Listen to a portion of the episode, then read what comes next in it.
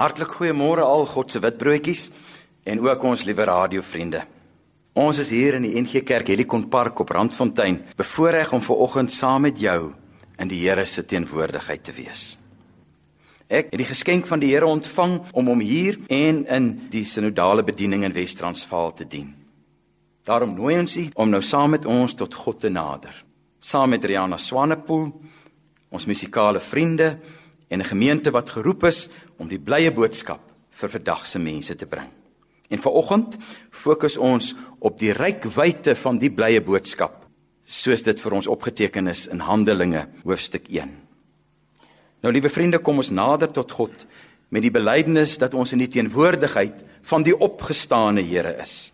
Daarvan getuig lied 419 van die liedboek van die kerk. Ons sing albei verse.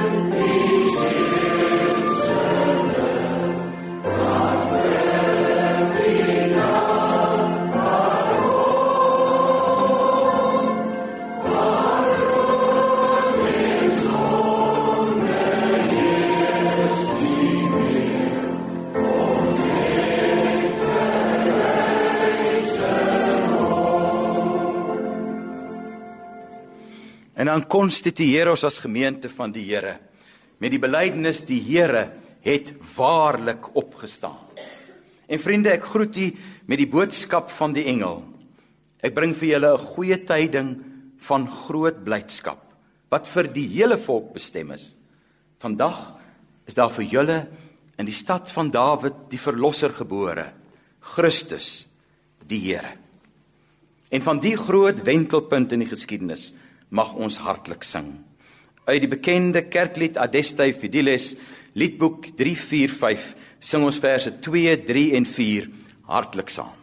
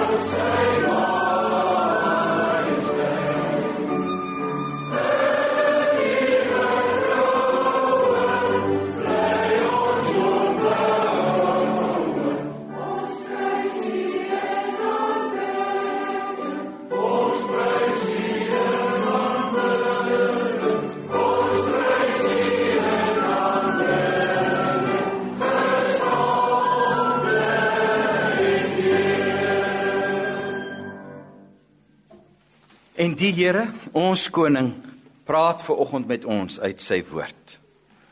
Ons lees uit die Handelinge wat Lukas vir ons opgeteken het by hoofstuk 1. Nou vanmôre staan ons hier by stil omdat die Here in die dae met ons praat oor die groot taak van sy kerk in 'n stikkende wêreld. So kom ons spit sommer saam met en namens die kerk van die Here ons ore. En liewe vriende, ek glo dat die Here ook die boodskap vir oggend 'n boodskap van nuwe uitdagings in 'n veranderende wêreld op u hart soos ook op die van die kerkleierskap sal skryf. My eerste boek, Theophilus, het ek geskrywe oor alles wat Jesus gedoen en geleer het van die begin af tot op die dag van sy hemelvaart. Voordat hy in die hemel opgeneem is, het hy deur die Heilige Gees beveel gegee aan die manne wat hy as apostels uitget kies het. Na sy dood het hy aan hulle met baie onbetwisbare bewyse ook getoon dat hy lewe. In die loop van 40 dae het hy by verskeie geleenthede aan hulle verskyn en met hulle oor die dinge van die koninkryk van God gepraat. Terwyl hy 'n keer saam met hulle aan tafel was, het hy hulle beveel: Moenie van Jerusalem af weggaan nie, maar bly wag op die gawe wat die Vader beloof het, soos julle van my gehoor het. Johannes het wel met water gedoop, maar julle julle sal binne 'n paar dae met die Heilige Gees gedoop word. Toe hulle op 'n keer weer bymekaar was, het hulle vir Jesus gevra: Here, is dit nou die tyd dat u die koninkryk vir Israel weer gaan oprig? Jesus het hulle geantwoord: Dis nie vir julle om die tyd en die omstandigheid te weet wat die Vader in sy eie mag bepaal het nie, maar julle Julle sal krag ontvang wanneer die Heilige Gees oor julle kom. En julle sal my getuies wees in Jerusalem, sowel as in die hele Judea en in Samaria en tot in die uithoeke van die wêreld. Nadat hy dit gesê het, is hy opgeneem terwyl hulle dit sien. 'n Wolk het hom weggeneem sodat hulle hom nie langer kon sien nie. Terwyl hy weggaan en hulle nog so stip na die hemel kyk, het daar skielik twee mans in wit klere by hulle gestaan. Die sê toe vir hulle: Galileërs, waarom staan julle so na die hemel en kyk? Hierdie Jesus wat van julle af na die hemel toe opgeneem is, sal net so terugkom soos julle hom na die hemel toe sien opgaan het. Nou vriende, kom ons bid sing met die oog op die verkondiging van die woord uit Lied 486, die 4de vers, wat 'n gebed is dat die Here hierdie woord in daad op ons lewens sal toepas.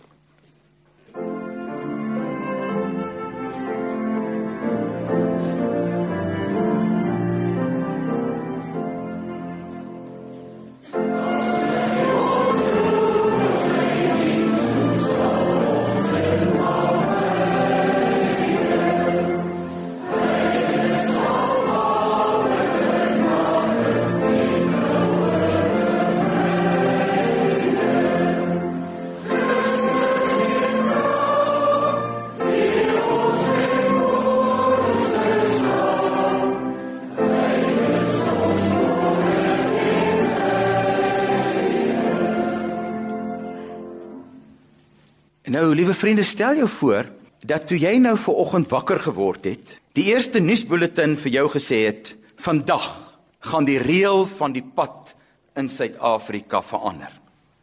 Sommers so. Jy word wakker en terwyl jy nog dink oor wat gaan ek op hierdie mooi Sondagoggend doen, dan skok hulle jou om te sê: "Van vandag af hou ons nie meer links nie. Van hierdie oomblik af, as jy op die pad gaan, dan hou jy regs." Nou ry ons aan die ander kant van die pad. Ons ry asof ons met linkerhand stuurmotors beweeg. Soos in die FSA en op baie plekke in die wêreld. Ek is seker dat u dit as 'n letterlike omwenteling sal beleef dat u skielik aan die ander kant van die pad moet ry. Stel jou al die verkeersknope voor. Stel jou die verwarring voor. 'n Mens sou ten minste verwag het dat hulle ons vooraf hiervan in kennis sou stel dat daar opleiding sou gewees het en nuwe padaanduidings sou gewees het en 'n hele reeks nuwe linkerhand stuurmotors bemark geword het in die maande wat dit vooraf gegaan het alles om hierdie drastiese omwenteling vir ons makliker te maak. So 'n omwenteling sou nie met 'n enkele nuusberig en 'n Sondagkoerant opskrif kon gebeur nie. Nou vriende, waar ons nou vanmôre in die Bybel gelees het, klink dit van die disippels se kant af beluister, asof Jesus by die maaltyd op die donderdag, so presies 40 dae na die opstanding, sommer so terwyl hulle eet, 'n aankondiging maak dat die padreël verander het tot by die wederkoms. Ek sien hulle. Daar sit hulle nog met die ou padreëls in hulle koppe. Uit gewoonte weet hulle dis hoe jy beweeg. Hou links, hou links, jy kan hoogstens regs verbygaan. Hulle het gedink met die ou reëls in hulle koppe dat die opstanding van Jesus op die 3de dag dat dit die herlewing van die koninkryk vir Israel aankondig. En nou wag hulle al 40 dae daarvoor. Hulle het elke keer gehoor as Jesus sê oor die koms van die koninkryk.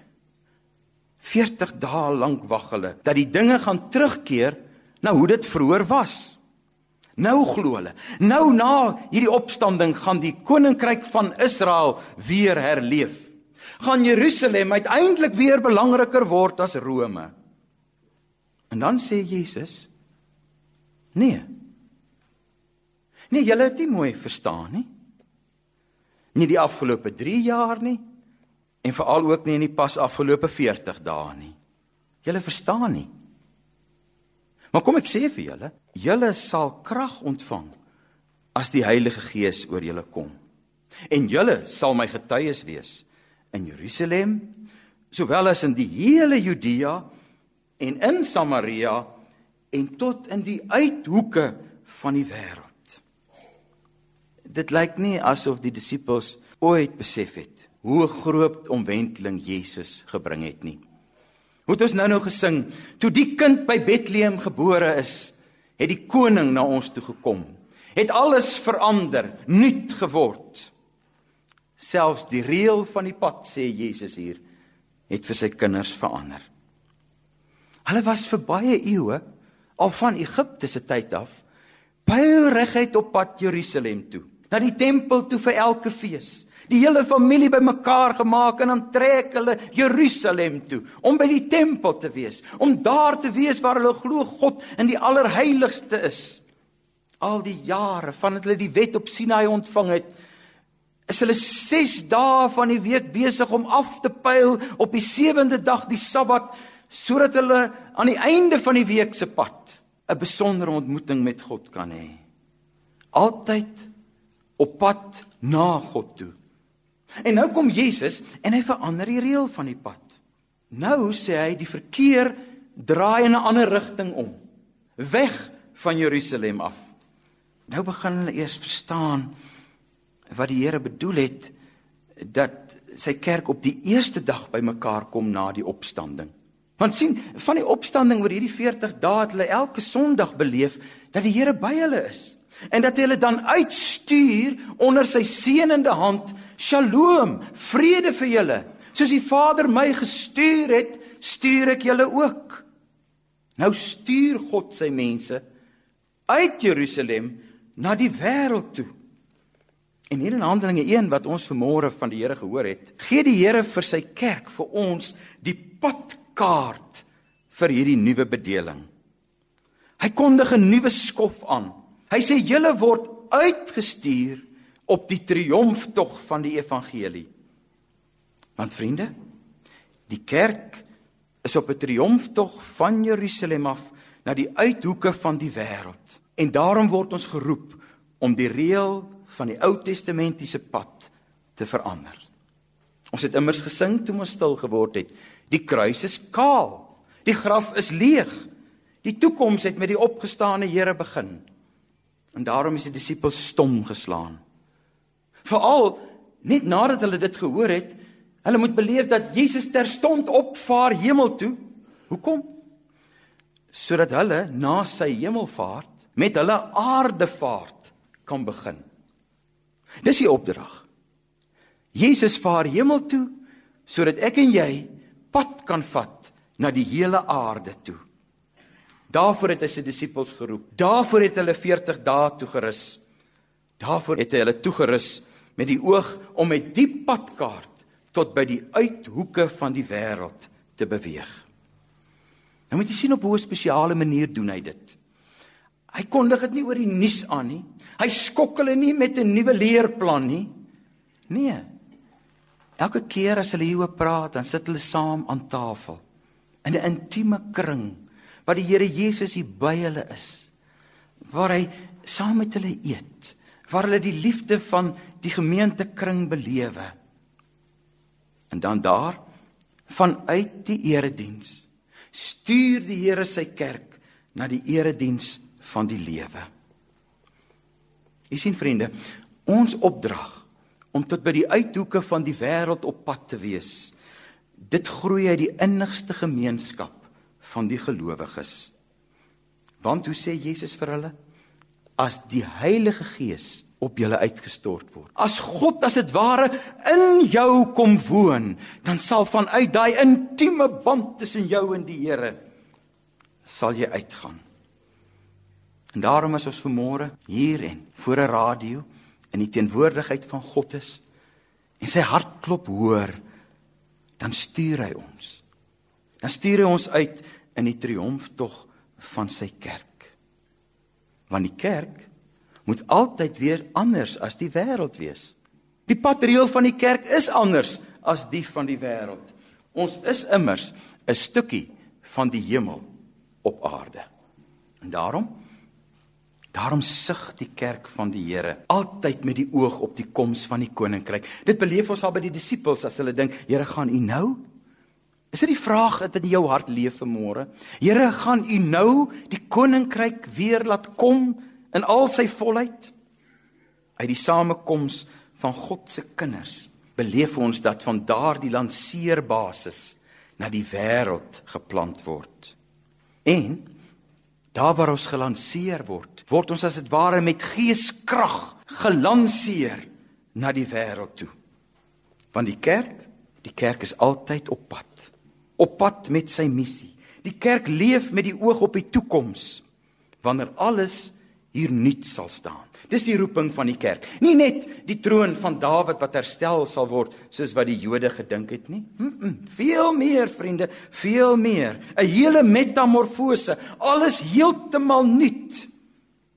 Die Bybel sê dit. Daar sal die leeu en die lam saamwy. Daar sal die bome 12 maande van die jaar vrugte dra. Dan sal God alles en in ons almal wees.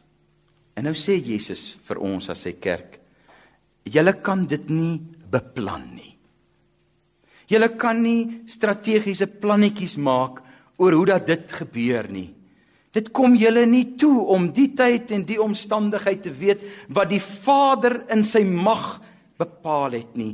U sien vriende, God sit sy kerk op hierdie nuwe pad. Hy stuur ons en trek ons in die triomftog agter hom aan. En daarom hoe gebeur dit?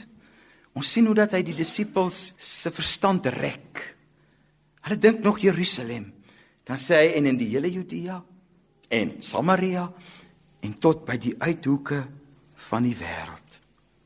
Dis die wonder van kerk wees dat die opgestane Here sy kerk na nuwe horisonne roep.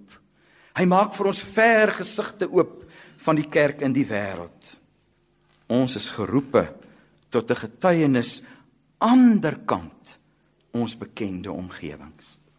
En daarom is die kerk rusteloos. Daarom is die kerk rusteloos soos wat die volk in Egipte was die nag toe die doodsengel verbygegaan het. Die skoene aan die voete, die kries in die hand, alles opgepak. Ons wag altyd weer om op pad te gaan. Maar aan die ander kant Terwyl ons so gestewel en gespoor is vir die taak wat voor lê, is die kerk rustig. Baie rustig, want ons gee nie 'n tree in die donker in as die Here ons op sy pad stuur nie. Nee, ons ken die einde. Die einde is waar hy en ons mekaar gaan ontmoet wanneer alles hier nuut gaan staan. Ons kan maar oppak. Ons kan maar as die deure oop swaai op 'n triomftog agter Jesus aangaan. En daarom is hy vanmôre hier by ons. En daar by jou, liewe vriend en vriendin by die radio. Om ons te heroriënteer weg van onsself af na die wêreld toe, na die eindtyd toe. Ou nuus sê jy? Nee, nee, as ons mooi in Handelinge gaan kyk en in die kerkgeskiedenis dan kom ons agter, die Here moet elke keer weer by sy kerk stil staan om ons as dit ware weer op die pad te sit, want ons stol so maklik. Ons is so gewoond aan die ou padreël. Soos die disippels van ouds wil ons altyd weer maar ons omdraai met ons gerigtheid na Jerusalem toe.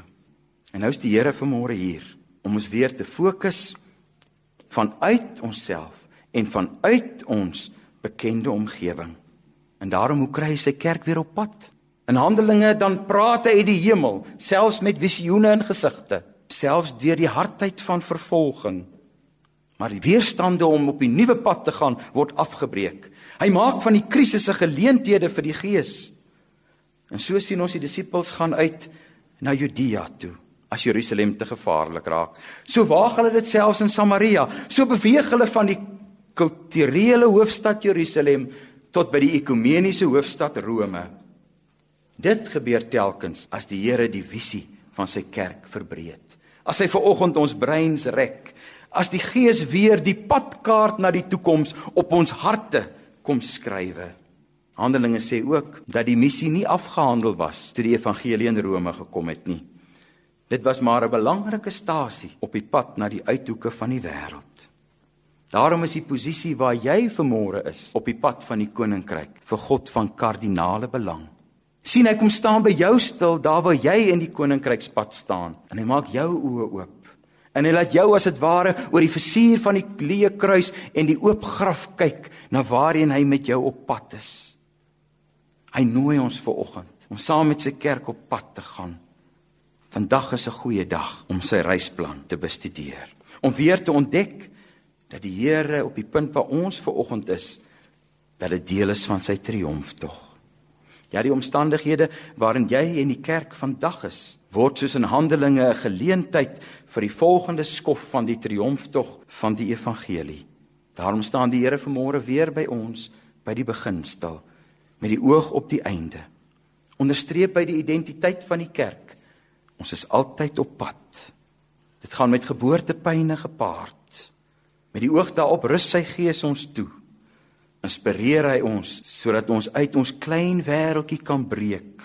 Herinner hy ons aan die nuwe pad van die padreël wat verander het. Inderdaad vriende, ons is 'n kerk op pad na die wêreld en na die eindtyd. Amen. Kom ons buig in gebed voor die Here. Ons Vader wat in die hemel is, Laat u naam geheilig word. Laat u koninkryk kom. Laat u wil ook op die aarde geskied, net soos in die hemel. Gee ons vandag ons daaglikse brood en vergeef ons ons oortredings soos ons ook die vergewe wat teen ons oortree. En laat ons nie in versoeking kom nie, maar verlos ons van die bose. Amen. Vriende, kom ons gaan saam met die Here op pad. As ons uit Liedboek 421 al drie die verse sing, waar ons in die eerste plek sê, maar hy het opgestaan en ons saam met hom. Hy het opgevaar en hy stuur ons uit op ons aardevaart. En terwyl ons op pad is, sug ons saam met die Gees en die bruid. Ag kom Here Jesus, kom tog gou.